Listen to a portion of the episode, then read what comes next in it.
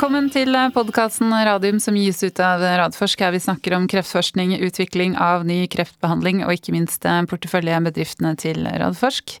Da har vi kommet til episode 228 som heter Ultimax. Det er 18. mai, klokken er halv ett. Velkommen Jonas Einarsson. Takk skal du ha, Elisabeth. And a warm welcome to Carlos de Sousa, CEO of Ultimovacs, and Jens Bjørnheim, CMO in Ultimovacs. It's a pleasure to be here. Very nice to be here again. Thank you.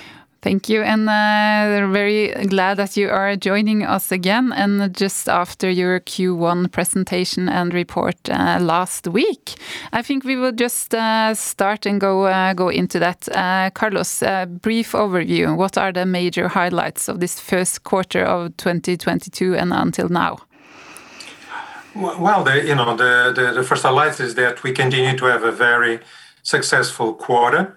Um, you know, we, we have enrolled in all of our clinical trials uh, 41 patients, you know, so that, that is a good achievement, uh, considering that uh, it's still it's still a little challenging in several countries to to enroll patients. Um, but most importantly, is that as everybody knows, Initium and NIPU are our most advanced studies, and we are on track to communicate uh, the top line readouts during the first uh, half of 2023. So really no changing guidance in that regards.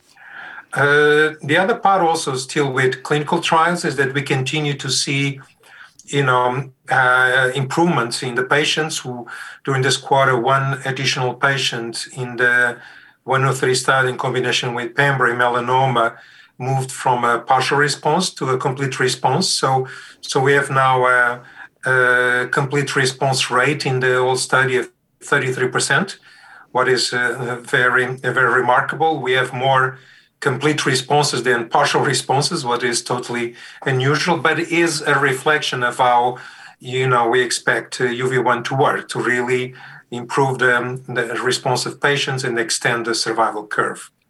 Uh, we, uh, as everybody know, we have now for many years have a, a study from our phase one in combination with ipilimumab. This was, um, you know, the first uh, checkpoint inhibitor approved, and um, we have now reached the uh, median overall survival at 66.3 months. Um, it's a small study, 12 patients, but um, uh, this uh, median overall survival is quite improved versus, you know, some of the historical data. so very, very, very good to see that, um, you know um, we continue to have very good data. Uh, this is also reflected in the fact that we continue to uh, present at uh, medical and scientific conferences. During this quarter, we presented at AACR, uh, and as uh, Sarah presented data on the TET, uh, our TET platform. So very, very important. And just recently, we also presented analysis of the um, of the data coming from the first three phase one studies the study that I mentioned in combination with ipilimumab, and the first phase two studies uh, that were not combinations in non small cell lung cancer and prostate cancer. And this was presented at uh, um, a good conference, and then you know will be followed by a scientific publication. So you know we continue to deliver there because we think it's important to to really spread the news about uh, our science and our clinical data. Uh, on top of this, you know, we were very pleased to also having received um, from the U.S. Patent Office uh, a new uh, patent grant of UV1 in combination with checkpoint inhibitors. And this is very important because it extends the patent protection in the US by an additional six years. Um, you know, this, uh, so we have now uh, a patent protection until uh, at least until uh, 2037. And this is before all the normal patent extensions, data protection that give additional protection.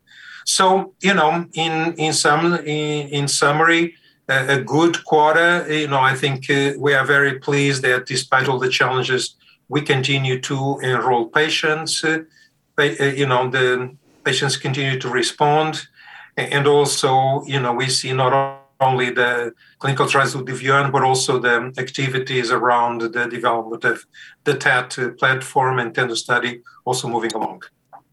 Great, thank you, Carlos. It seems like everything is uh, is going your way. Uh, in in short, uh, Jens, do you have anything to add uh, to this? I think it was uh, very well uh, covered by Carlos. I'm very happy that enrollment in the studies continues, and look forward to, to full enrollment in the two first studies. Hmm. it will be a very exciting year for us. the next one. Mm, absolutely, and we will go. Uh, we will talk more about uh, enrollment soon. But I would just want to ask you as well, uh, Jonas. Uh, I mean, here you are as a chairman of the board of, of Ultimovacs, and as a chairman, what? How do you perceive 2022 uh, as as far? No, I'm impressed. I mean, uh, the team there is doing a fantastic job, and despite all the difficulties, and there has actually been quite a lot of difficulties in the enrollment and uh, and uh, working with so many many clinical trials. Uh, and see how uh, they execute. Uh, and uh, some of these studies, also we'll get back to that, Jens can comment on it. it takes some time to get the ball rolling, but there's so much job, job that has been done setting up the sites, making then these new studies ready to roll on. And, and I really think that they are doing a, a fantastic job there. Good, thank you. Uh, we then we can talk more about uh, the enrollment because you have uh, four phase two studies that are currently uh, enrolling patients, and and this is quite nerve wracking uh, these days, and was especially so in in uh, January February when we had this surge of, of the Omicron virus. Um, and but uh, for you, it seems like everything is going as planned, Carlos. Do you have some uh, thoughts or reflections uh, around how you solve this with the enrollment? Because this is not, uh, as a, for for several other uh, of our companies, this is not going as planned.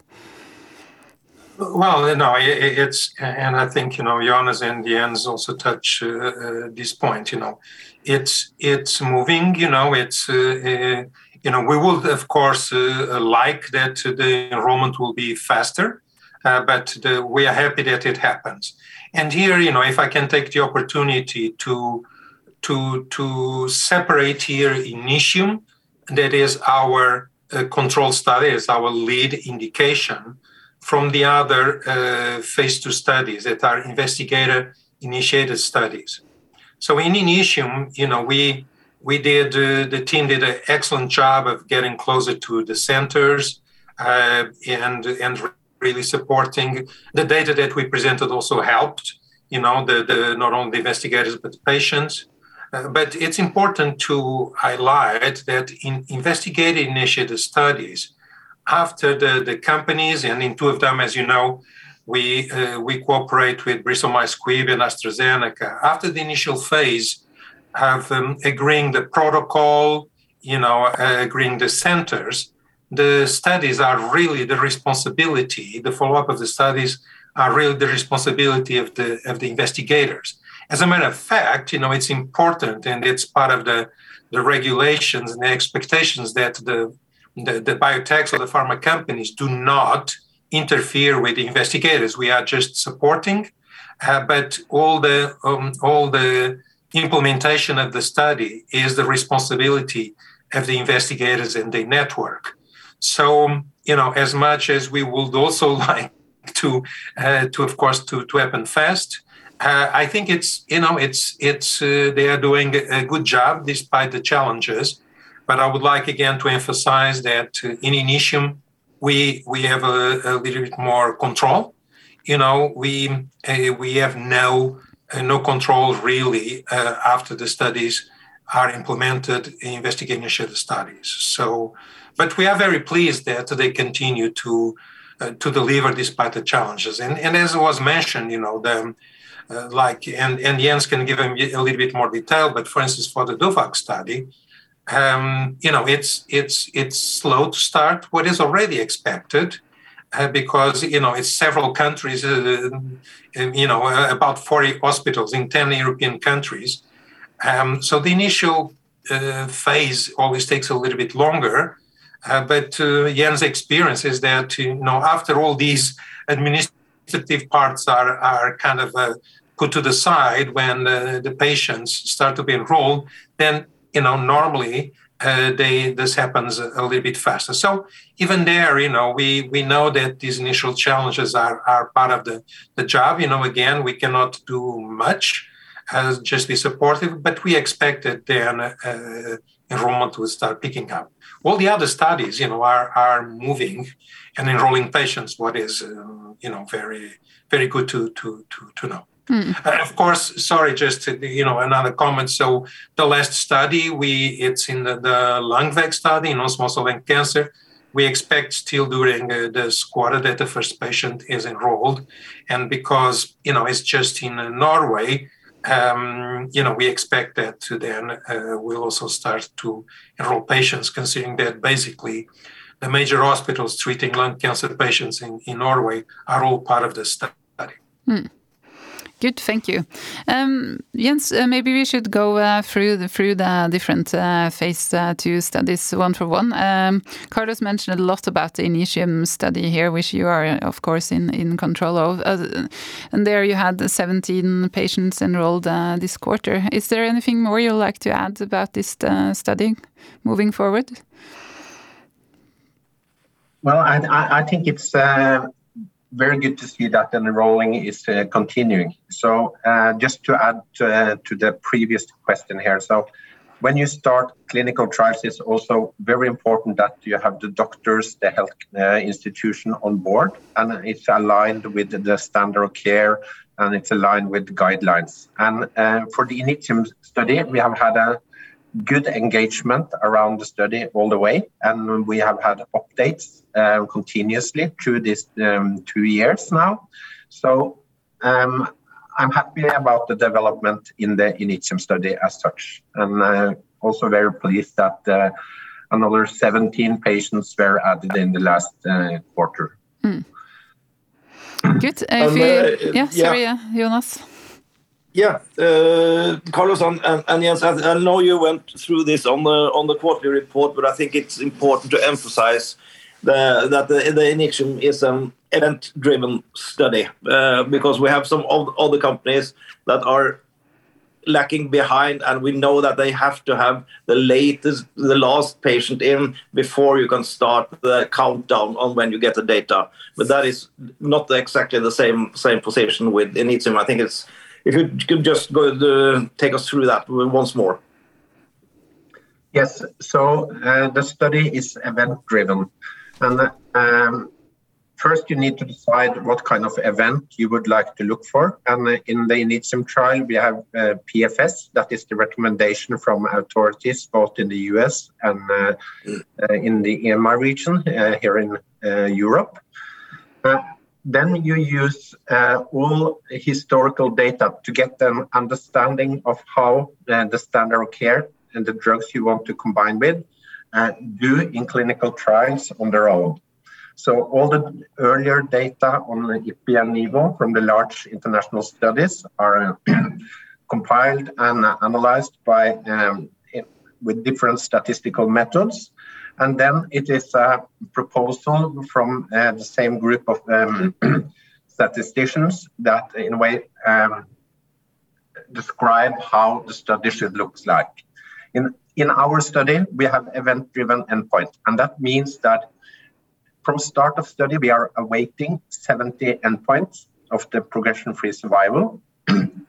when we reach 70 endpoints, uh, the database will be locked and then it will be um, analyzed to see how many events that are in the two different arms. How many events uh, were in the control arm and how many events were in the uh, experimental arm.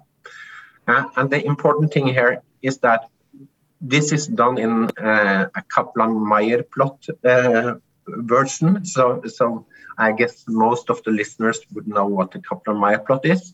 And it's the difference between uh, the two arms. It's the delta between the two arms, the area between the curves, uh, that is in a way telling us uh, the difference between th those two arms.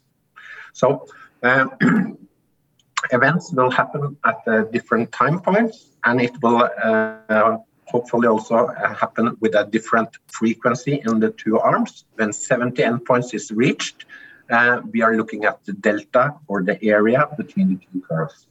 If, for example, the control curve does better than historical controls or worse, remember that there will be new hospitals here, new patients, um, etc. So you can not be sure that the numbers seen for the control arm earlier will be the same now. It doesn't matter for the statistics uh, in the study because it's the delta between the two arms that is uh, the final result. Hmm. So in, in, in theory, uh, the 70 events could happen before you have enrolled the last patient. We hope not because we want more better results than that, but in theory that could happen. Uh, anything can happen. So there will be theory and there is biology, and biology doesn't care about the statistics here. Uh, so um, and that is seen several times through history. For some drugs, the authorities actually ask you to do two phase three trials, uh, even sometimes even at, at, the same hospitals. That is, and if you look at such trials uh, in, in other areas in medicine, you can see that two trials that are have even been run at the same hospitals with the same doctors will have uh, different results. So hmm. uh, we cannot speculate on uh, when the outcome will be there. The most important or the important thing is the delta between the two arms. And uh, when it arrives, we will, of course, present the result. Hmm. But you, just, yeah, sorry. no, no, no, no. I, I was just gonna, just gonna say, you know, so as Jens uh, mentioned, these are events, you know, and events here means if the if the patients progressed, or if uh, unfortunately for them they, they died. Uh, but I think uh, the only out of our five studies, only one, the focus study, is what is called landmark. There's a period of time. So it's so in that specific case, we need to wait for six months after the last patient is enrolled to analyze the data. So here, you know, we it's not like we need to wait for uh, you know 12 months or 18 months or whatever it is after the last patient is enrolled because the events will be happening as these patients are treated and followed up hmm. so um, but I, I, would like to emphasize again here that uh, you know the important part here is not when it's going to happen you know the 70 events what is the distribution is going to be the, the the difference between the arms and this is why you know, I think we we have been um, very careful, uh, but also very ambitious from the very beginning that all of our phase two studies are properly controlled, randomized, and and and we have a control arm. And as you know, there are uh, a lot of companies that, uh, because it's easier, it's it's less expensive to do non-control arms, but then but then you you don't you don't have the the you cannot compare the data. You have to compare it with historical. So this is this is very important and a very big value uh, for the company, not only for discussions with the authorities, but also discussions with the potential partners, because there's a control mm. arm that will allow to do really this comparison when the endpoints, uh, you know, uh, arrive. Mm. Yeah. But uh, you still expect then that uh, next half year, so in a year, you will have something to report here. This is what you have been guiding on, and yeah. you know, the, we continue to maintain uh, the, that guidance. Mm. You know, so because at the moment we have no um, reason to, to to change it. You know, but but but it's it's true that uh, if uh, for whatever reason the, the, it takes longer for the patients uh, to progress or to die, then you know that can happen outside of that window but at the moment that's uh, that's the window we are comfortable in providing guidance hmm. But that's a bit different, as Jonas says, from uh, from other studies um, that we are waiting for the patients to be enrolled, and then you have to waiting period. But here you're actually waiting for this uh, difference in delta between the between the two arms.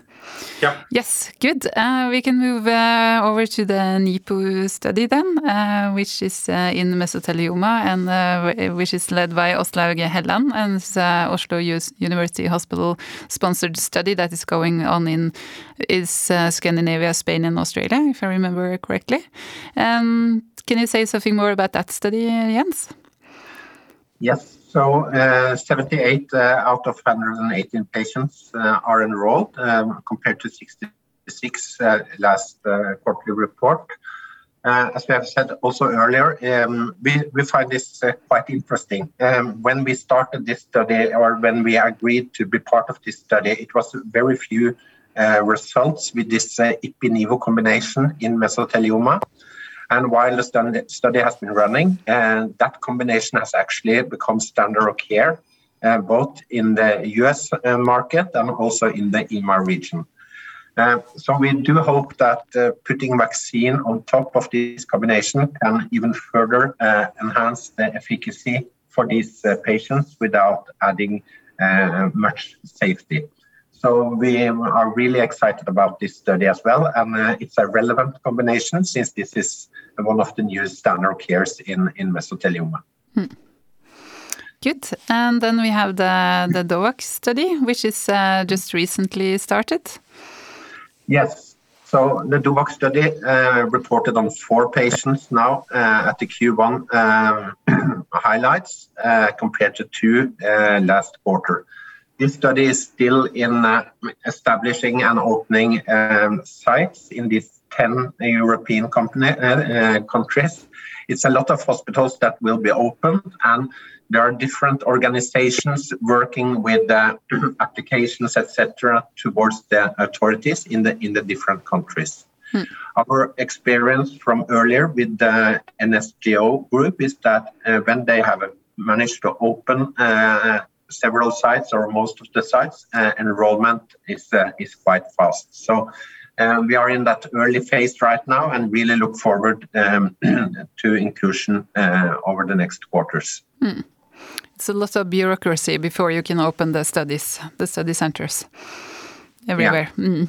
And then lastly, as um, as uh, Carlos also mentioned, this uh, focus study that you have in, in Germany in head and neck uh, cancer, which is a bit different uh, than the others, not event driven, as you said. Yes. Yeah, so the focus study now have uh, 18 patients uh, compared to 10 last report, and uh, will include a total of 75 patients. And in this study, all patients uh, need to be enrolled, and then we have to wait half a year after last patient uh, has been enrolled to read out the primary endpoint, which is also here PFS. Uh, it's a quite interesting study, and the pembrolizumab checkpoint inhibitor is part of both arms and is one of the standard of cares in this uh, indication. Uh, even though um, the efficacy uh, and, uh, of the drug is uh, good, but it's absolutely room for improvement here as well. it's a hard to treat um, indication. One of the things that is really interesting about this study is that we can collaborate with very good scientists within the immune therapy field, and there will be taken a lot of samples in this study to analyze uh, further to get even more understanding on the mode of action of a cancer vaccine and what happens within the tumor and in the blood when you treat the patients uh, with the vaccine and also uh, the combination of vaccine and a checkpoint inhibitor. Hmm. That would be really, uh, really interesting to see what comes out of that on the scientific rationale here. Where, mm. yeah. Absolutely. Um, then you also have the TENDU trial, which is a phase one study in prostate cancer, which is going on here at the Radium Hospital in Norway. Uh, how is this study progressing? Well, so uh, the TENDU study is um, uh, moving uh, well. Uh, we are now at the dose level three. So this is a first in man trial where we had three different dose levels, and uh, we are increasing the dose every three patients if the safety is okay. And now we have reached the upper dose level uh, in this study, including eight patients we could uh, include up to 12 patients in this study. Uh, it's important when we uh, reach the level we would like to be on uh, that we have as much information as possible. And this will be of value for us to have a, a best possible understanding of uh, the initial uh, safety profile, immune responses, etc. the study is run at Oslo University hospital, so it's a one-site uh, study, uh, and uh, and there has been a very good collaboration uh, throughout the, the study. Mm, great, thank you. And we've been talking a lot about uh, enrollment, and we will soon move over to other things. But this is so important when, uh, especially for you, you have so many clinical trials going around and so many patients uh, to enroll.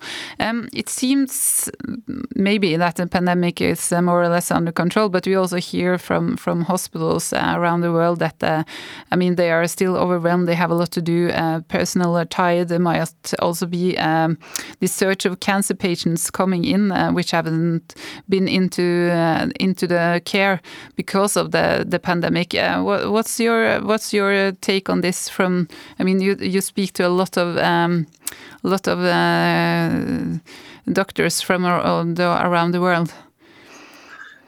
Well, uh, so uh, our impression is that um, the pandemic is still around. It's not that we get uh, that ill, most uh, people will uh, have a, in a way easier disease with the new variants than the earlier variants. But still, if you are positive, you need to stay home. So there are still a lot of people in different countries that cannot go to work. There's also um, some backlog, I would say. That is our understanding, not only within um, the, the, indication we are in in a study, but also in uh, other indications within the same field in the oncology field, and also at the hospital as such.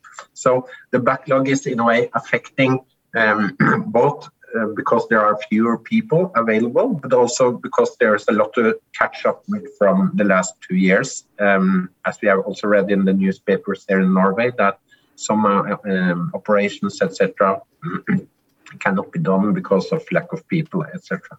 So we we do um, so they have a lot to do still, but we are very happy that they are interested in including patients in the study. Mm. Uh, we would like to think that that is because they, they find this study uh, a relevant one for their patients.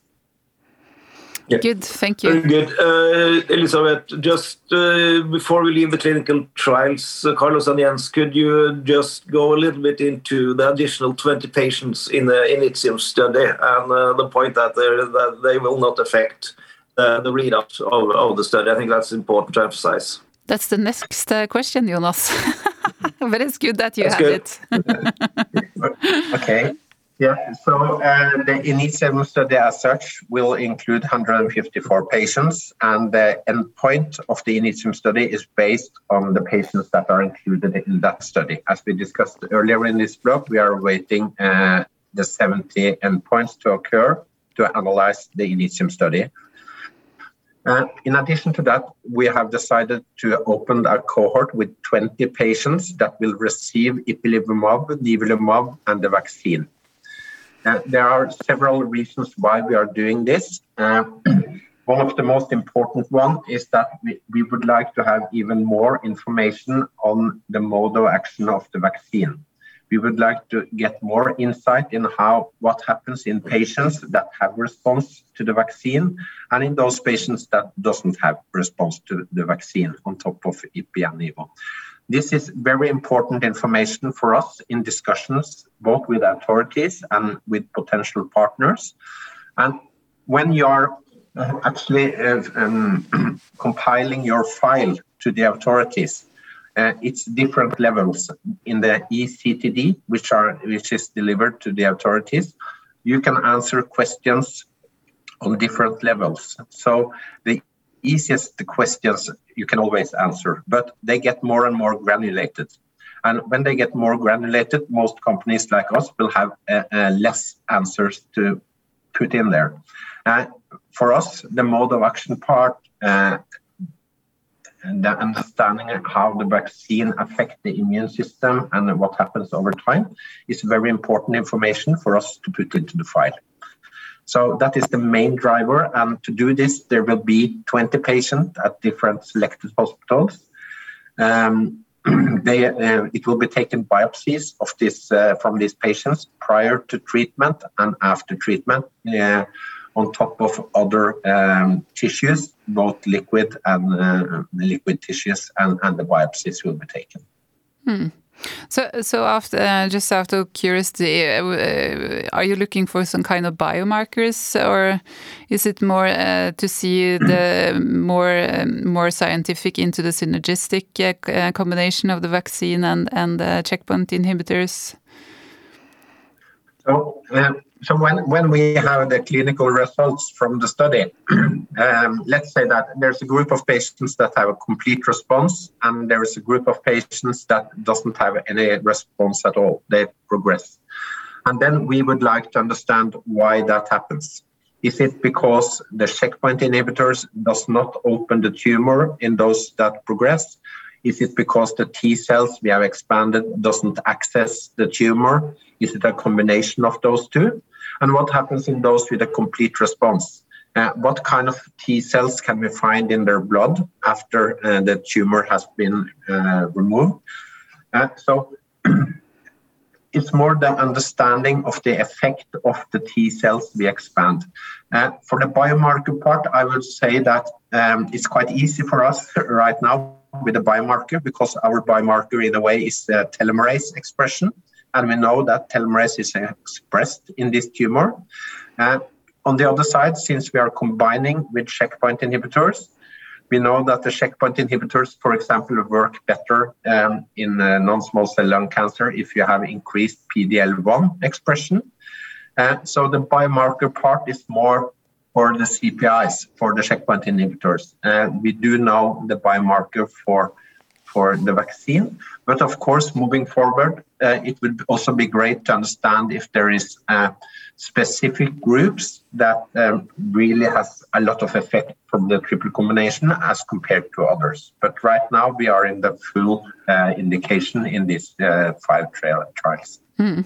and I would just like to to emphasize this last uh, comment from Jens, because again, you know, the, the assuming positive results uh, you know, the next step will be to run a, a, pivotal study, the study that will give us the, the, the, approval if positive. So, so the more data we, we have to help us uh, define and select the patients that will have, um, you know, a potential better response, of course, the, the better it is. So all, these uh, data that we'll get from uh, the initial study, but also from the supplementary study, would help us in defining that uh, patient population that will be better targeted to receive um, uh, UV1 in the in the phase three pivotal study.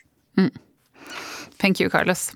Uh, also, as Carlos mentioned in in the highlight section uh, when we started the podcast today, uh, you mentioned this median overall survival data that you received now from the phase one study in malignant melanoma when combined with IPI, um, where you reached 66.3 months.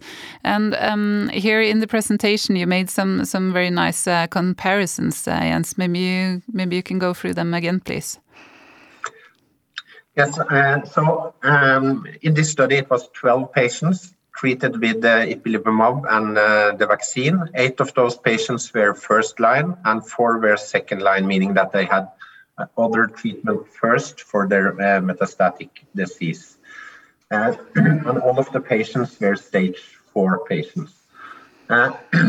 So and that in combination with was just recently presented at CIMT um, as a start here. Remember that in these patients we have seen immune responses for several years, more than six and a half year uh, with the immune responses, meaning that there are T cells recognize, uh, recognizing telomerase uh, for a long time in those patients.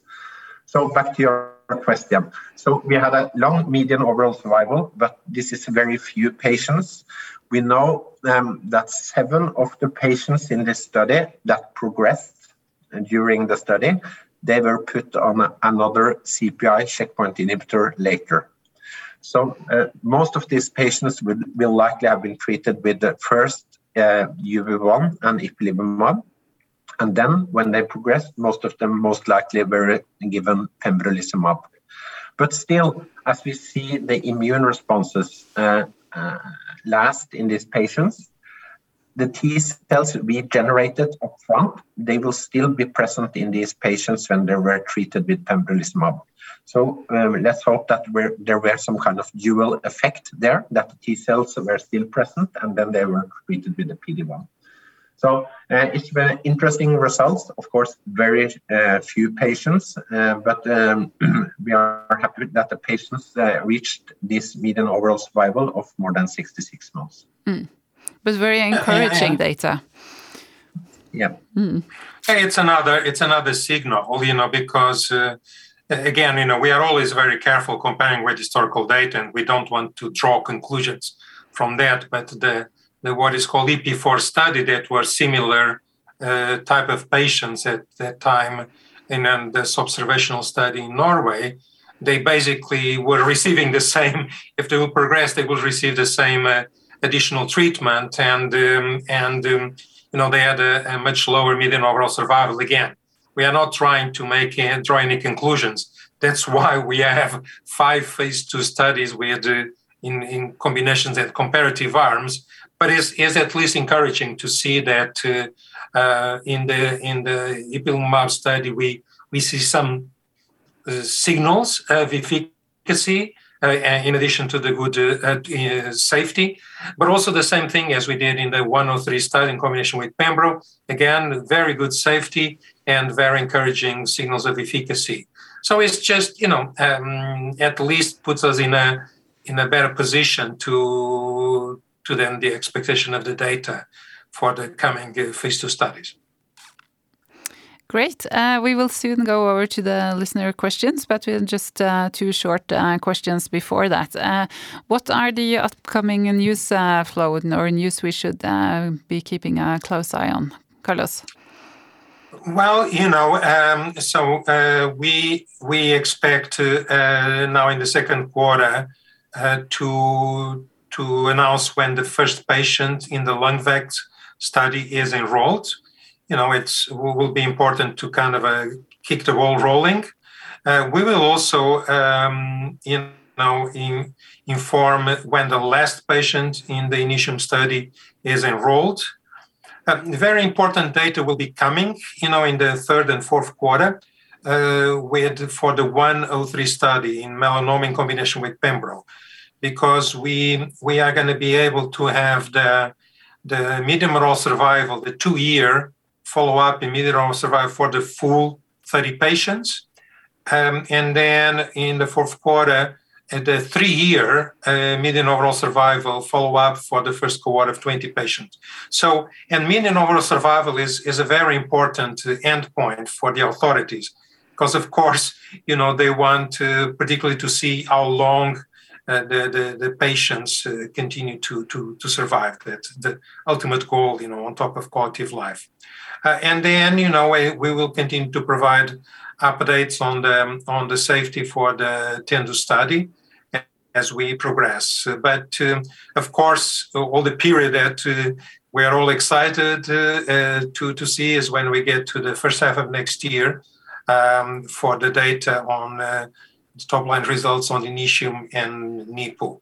Um, because of course, you know, assuming they are positive, that can be uh, transformational for the company, not only from the perspective of discussing with the regulatory authorities if the data is very good, you know, to discuss potential accelerated or conditional approvals, uh, but also from the, the, the, fact that will definitely put us in a different uh, place to when we are discussing with a potential strategic partner. You know, because we, we are in regular contact with these companies, um, but of course, uh, you, you know, we, we, we need to wait for this phase two data. So if it's positive, this will trigger a series of activities, uh, regulatory partnering, uh, in, addition to other ones. So, very exciting period that uh, as the time, you know, feels that is moving at light speed. So, we will be there in the blink of an eye. Absolutely, I agree with you there. Time flies. Um, lastly, on the financials, uh, can you give a short presentation uh, on how, how that is now, Carlos? Well, I think you know in the financials, as we always say, you know, no news is good news. You know, so I think that in the financials we are a very boring company versus uh, versus the, all the other parts of the company, and uh, boring because basically we are on track. We are on track with the financials. Uh, you know, we had a good capital raise in October last year. Uh, a, very, very uh, good place to be because at the moment companies are struggling heavily if they if they need to raise capital. So we don't need that. You know, we we had at the end of the of Q1 uh, 523 million Norwegian krone in cash. I think the you know each quarter will fluctuate because you know it depends how the clinical studies uh, uh are moving, and we expect these expenses to, to, to increase on a quarterly basis. But the important uh, part to keep here in mind is until when is the company financed? how long is our runway? And we have a runway to the first half of 2024. And this is important because basically takes us across the, the period of, of time where we are going to have um, you know results from the from the clinical studies.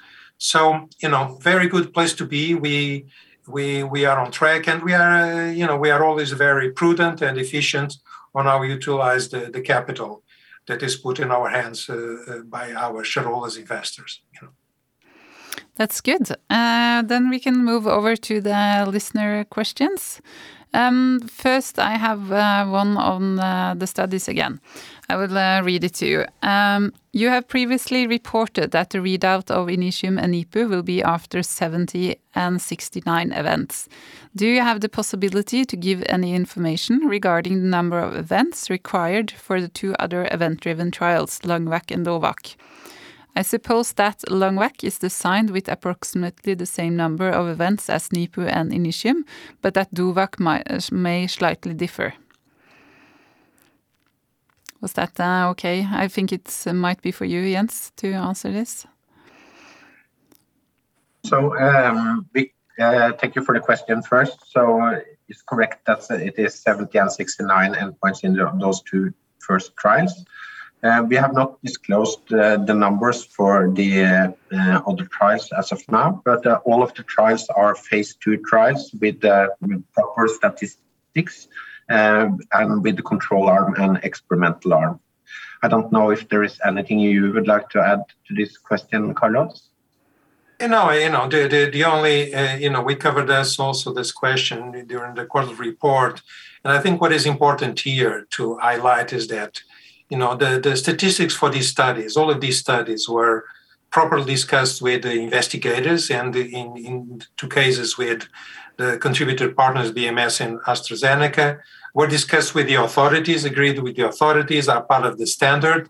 And, and i think more than you know saying what is the number on each arm i think the important part is that we as a company will continue to be transparent you know so when when we reach the 17 points we will communicate the market what are the what are those results. Not not all the data from the studies as everybody already know because it's very important that uh, that the, the full details are then uh, presented at medical conferences and and in publications.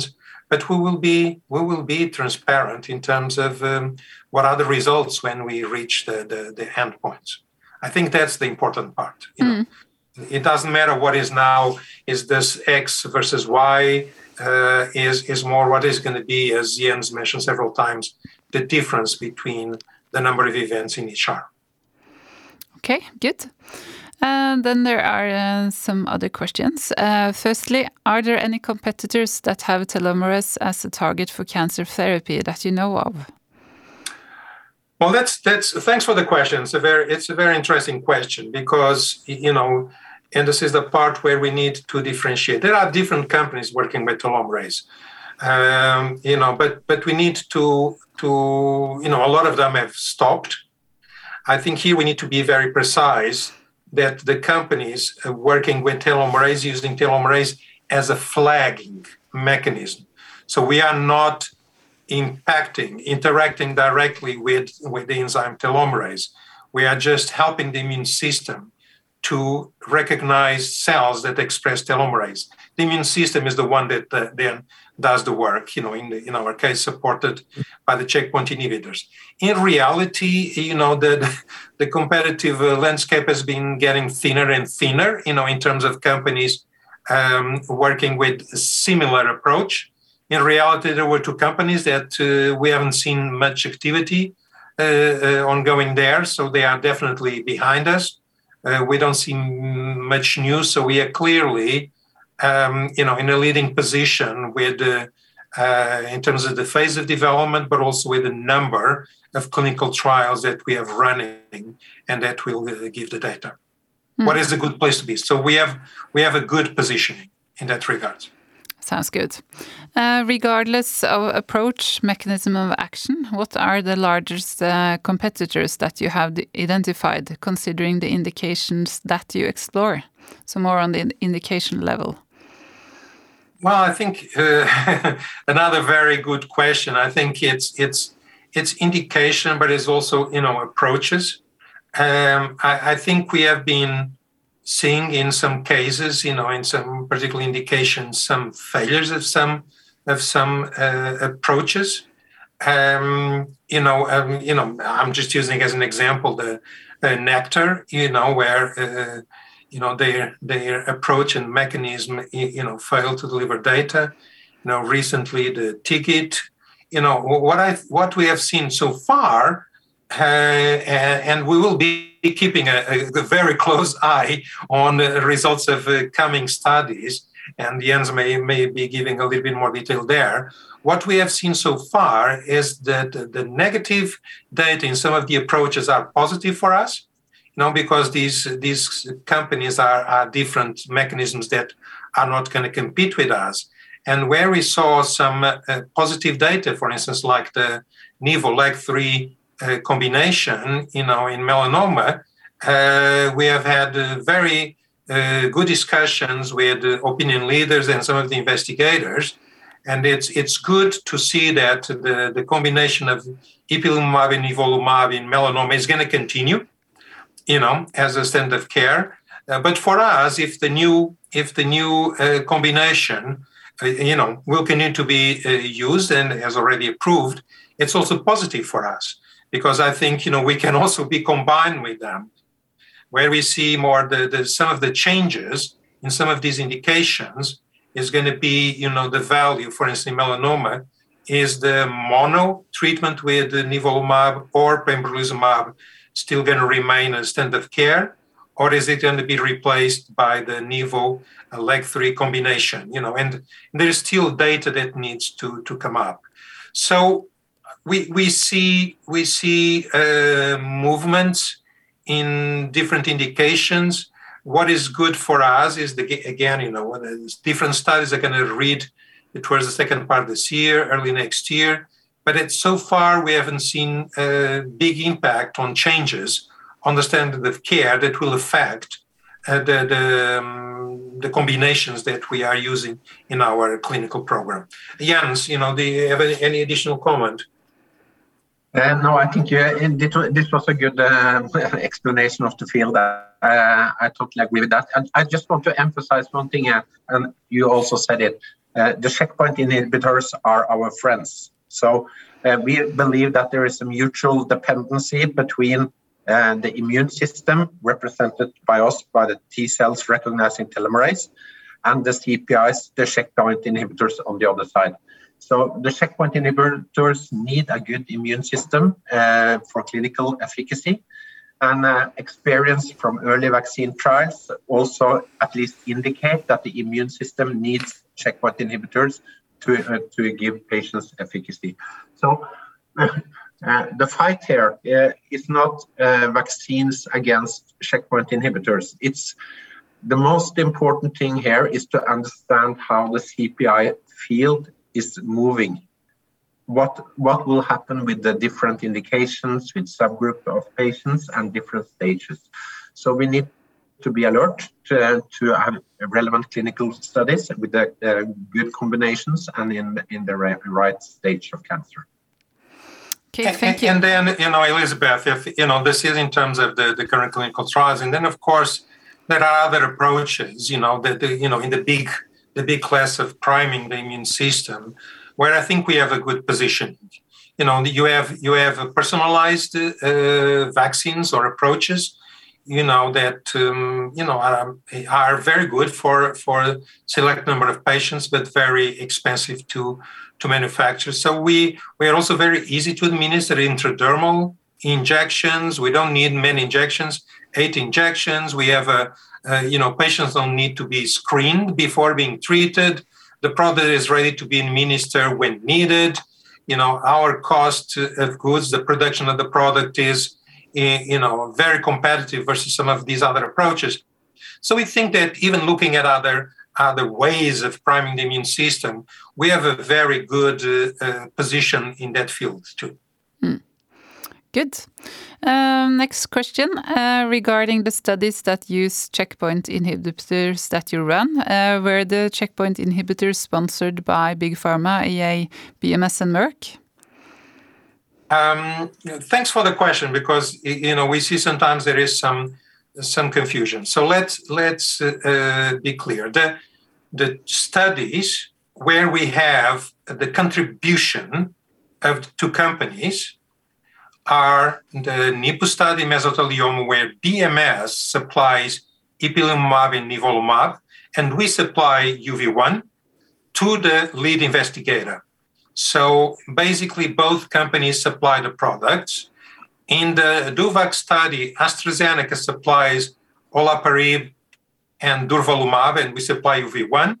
Uh, so in these in these two studies, basically the big pharma and us uh, contribute to these studies by supplying the products. There's no uh, rights from any of the BMS or AstraZeneca to our product. We maintain full rights. For the other studies, um, you know, no, we don't have a collaboration with uh, MSD. Uh, we were very careful in selecting um, the indications where, uh, for instance, uh, in the 103, in the LUNGVAC, in the focus study, where the uh, pembrolizumab in this specific case is a standard of care, is reimbursed by the authorities, and this is why you know we need to go to some specific countries. Uh, so, so pembrolizumab in those studies is part is part of the standard of care, and the patients will be receiving their treatment regardless of if they are in our study or not. The same situation for the Initium study. In the Initium study, the patients will be receiving ipilimumab, nivolumab, regardless. So we just need to add uh, UV1. So I hope this clarifies that uh, the only two studies where we have a, a collaboration, a partnership with the investigator and BMS, AstraZeneca's focus, and um, is um, DOVACC and NIPU, and we maintain full rights uh, to the products uh, but of course, you know, has been very good to to have a very close interaction with both of these big pharmas that we will continue to maintain. You know, we are planning some investigators meet, meetings organized by by you know the, the investigators and, and both us and these uh, large pharmas. Uh, you know, we will be looking at the data. So, you know, uh, despite not any uh, specific rights, you know, it's good to be uh, have um, you know regular contact with these uh, you know a couple of the companies that can be uh, potential strategic partners for us when we when we decide to partner UV1. Hmm. Good, thank you. Uh, is uh, the next question is uh, hTERT also expressed in healthy cells? Is there a risk of toxic side effects because of this? I guess that goes to me. I think so. so. Um, So until you are born, uh, the, the, telomerase uh, enzyme is activated in all different tissues in your body. Uh, when you are born, it's turned off uh, in most tissues, but in, it remains on in some tissues, like in stem cells and germinal cells. Since uh, day one, uh, with the UV1 vaccine and also earlier telomerase vaccines, and other companies also look into this, it has been uh, a focus if there is any affection of the stem cells um, with uh, such vaccines. We have not seen any, any signals of that, but that is, of course, something we continue to monitor. And one of the reasons why uh, we don't see any signals or safety um, from these uh, cells might be that they live in so-called immunological niches they express less HLA molecules and are less available for the immune system. And this is also something the authorities are very alert on.